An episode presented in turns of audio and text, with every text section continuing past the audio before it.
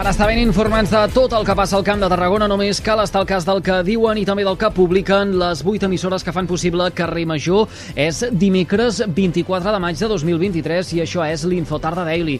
Anna Plaça, bona tarda. Explica'ns, si us plau, què tenim avui en portada. Doncs avui parlarem de formació professional, eh, per començar perquè la Generalitat ha presentat l'acord de planificació d'FP del país que implica per primer cop també els sindicats majoritaris i les patronals. Aquest acord implica que a la nostra demarcació hi haurà 5.000 places de formació professional al curs vinent, un 25 més que enguany. Les noves places s'emmarcaran en àmbits molt diversos, com l'atenció eh, personal o fins i tot també el tractament de dades, per citar-ne només alguns. Sofia Moya és la directora territorial d'Empresa i Treball i és la necessitat d'aquesta adaptació contínua a l'entorn, als canvis. No? Deien, deien que, que els nostres pares segurament ten, hauran tingut una feina per tota la vida, nosaltres potser arribarem a tenir set, però les generacions properes en tindran set alhora. Llavors el nivell de competències i de formació i d'adaptació doncs és, és continu. No? En total, la Generalitat invertirà més de 900 milions d'euros en formació professional amb unes 445.000 places a tot el país. Més coses. El sector turístic de la Costa Daurada ha aconseguit ja millorar les xifres prèvies a la pandèmia. Així es desprèn de les dades del primer quadrimestre d'enguany que ha fet públiques l'Institut Nacional d'Estadística. Del gener a abril han visitat el territori uns 400.000 viatgers, 25 més que el mateix període de l'any passat. La millora de les dades no només es veuen als hotels, sinó també als apartaments. Precisament el president de l'Associació d'Apartaments Turístics de la Costa Daurada i l'Ebre, Joan Calvet, creu que enguany serà un any de consolidació, si bé s'hauran d'ajustar els marges dels beneficis per no disparar els preus. L'únic que sí, que a vegades les despeses es disparen perquè els subministres, ja sabeu, que han pujat moltíssim. I a vegades, doncs, bueno, sacrifiquem una mica de marge també per no carregar tot el cost d'aquests increments al client doncs perquè si no deixaríem de ser competitius i això el sector de l'allotjament no ens interessa. Tot just amb els professionals dels apartaments turístics faran la desena trobada del sector a Salou, en què presentaran les principals novetats de la temporada. Carrer Major, la proximitat del Camp de Tarragona. El Port de Tarragona treballa en una prova pilot per implementar un sistema intel·ligent de gestió de l'energia verda. Ho farà a través de la instal·lació de gairebé mig miler de panells solars al refugi 1 del moll de Costa, que generarà una potència de 200 kWh. De moment, l'autoritat portuària ja ha iniciat la redacció del projecte per definir la solució tècnica que haurà de tenir aquesta xarxa intel·ligent.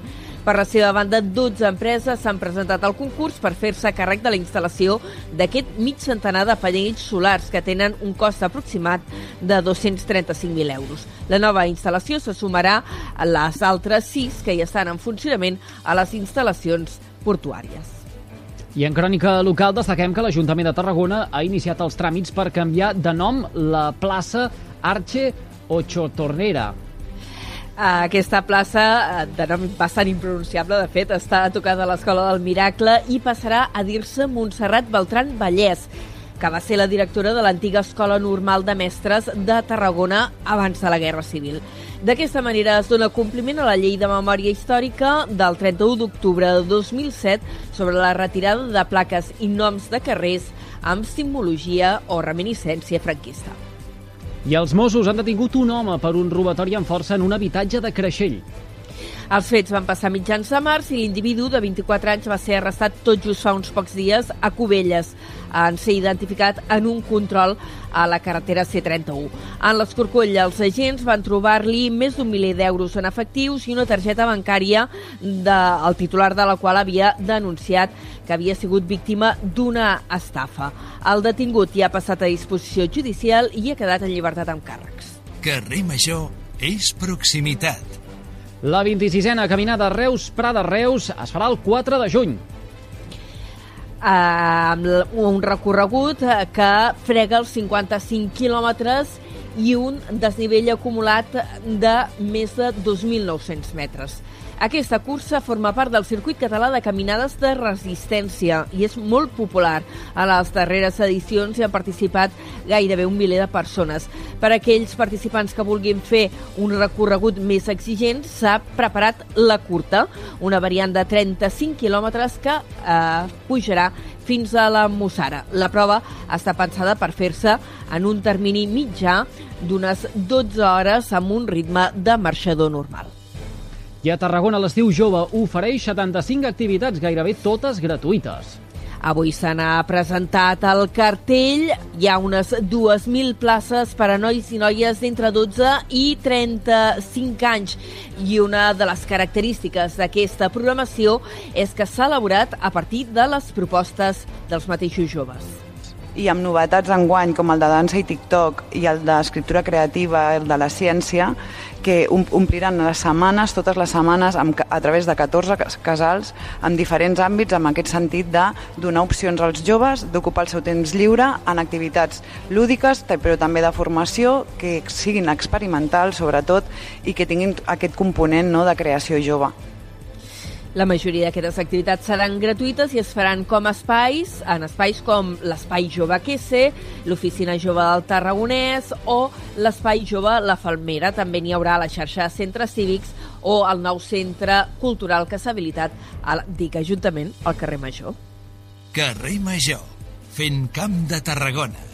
Dit tot això, coneguem quin temps ens espera de cara a les properes hores, a veure si arriben aquestes pluges tan esperades i connectem amb el Servei Meteorològic de la xarxa de comunicació local. Lluís Mi Pérez, molt bona tarda. Tot i que el matí ha estat ben tranquil i força assolellat, el temps ha de tornar a canviar i els núvols s'han de tornar a disparar a gran part de l'interior de Catalunya. Ja a hores d'ara van creixent aquestes nuvolades a les muntanyes del prelitoral, de la Catalunya central, del Pirineu, del Prepirineu, i d'aquí a poca estona començaran a espetegar les primeres tamborinades.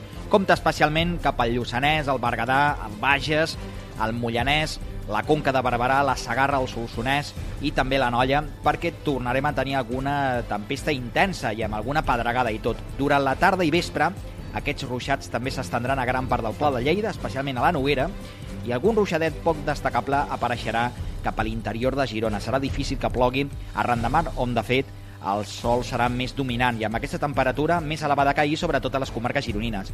El dijous, molts més núvols i atenció al voltant del migdia i de la tarda a la Catalunya central, Barcelona i Tarragona. Hi haurà alguns aiguats. Us seguirem a la xarxa. Ara sí, doncs ho haurem de deixar aquí. Anna Plaça, gràcies per aquesta pinzellada informativa amb el més destacat de la jornada al Camp de Tarragona. Que vagi bé fins després. Fins després. I tots vostès poden recuperar l'Infotarda Daily d'aquest dimecres 24 de maig mitjançant les xarxes socials i també els respectius serveis de ràdio a la carta a les 8 emissores que cada tarda passegen plegades pel carrer Major. Gràcies per seguir-nos.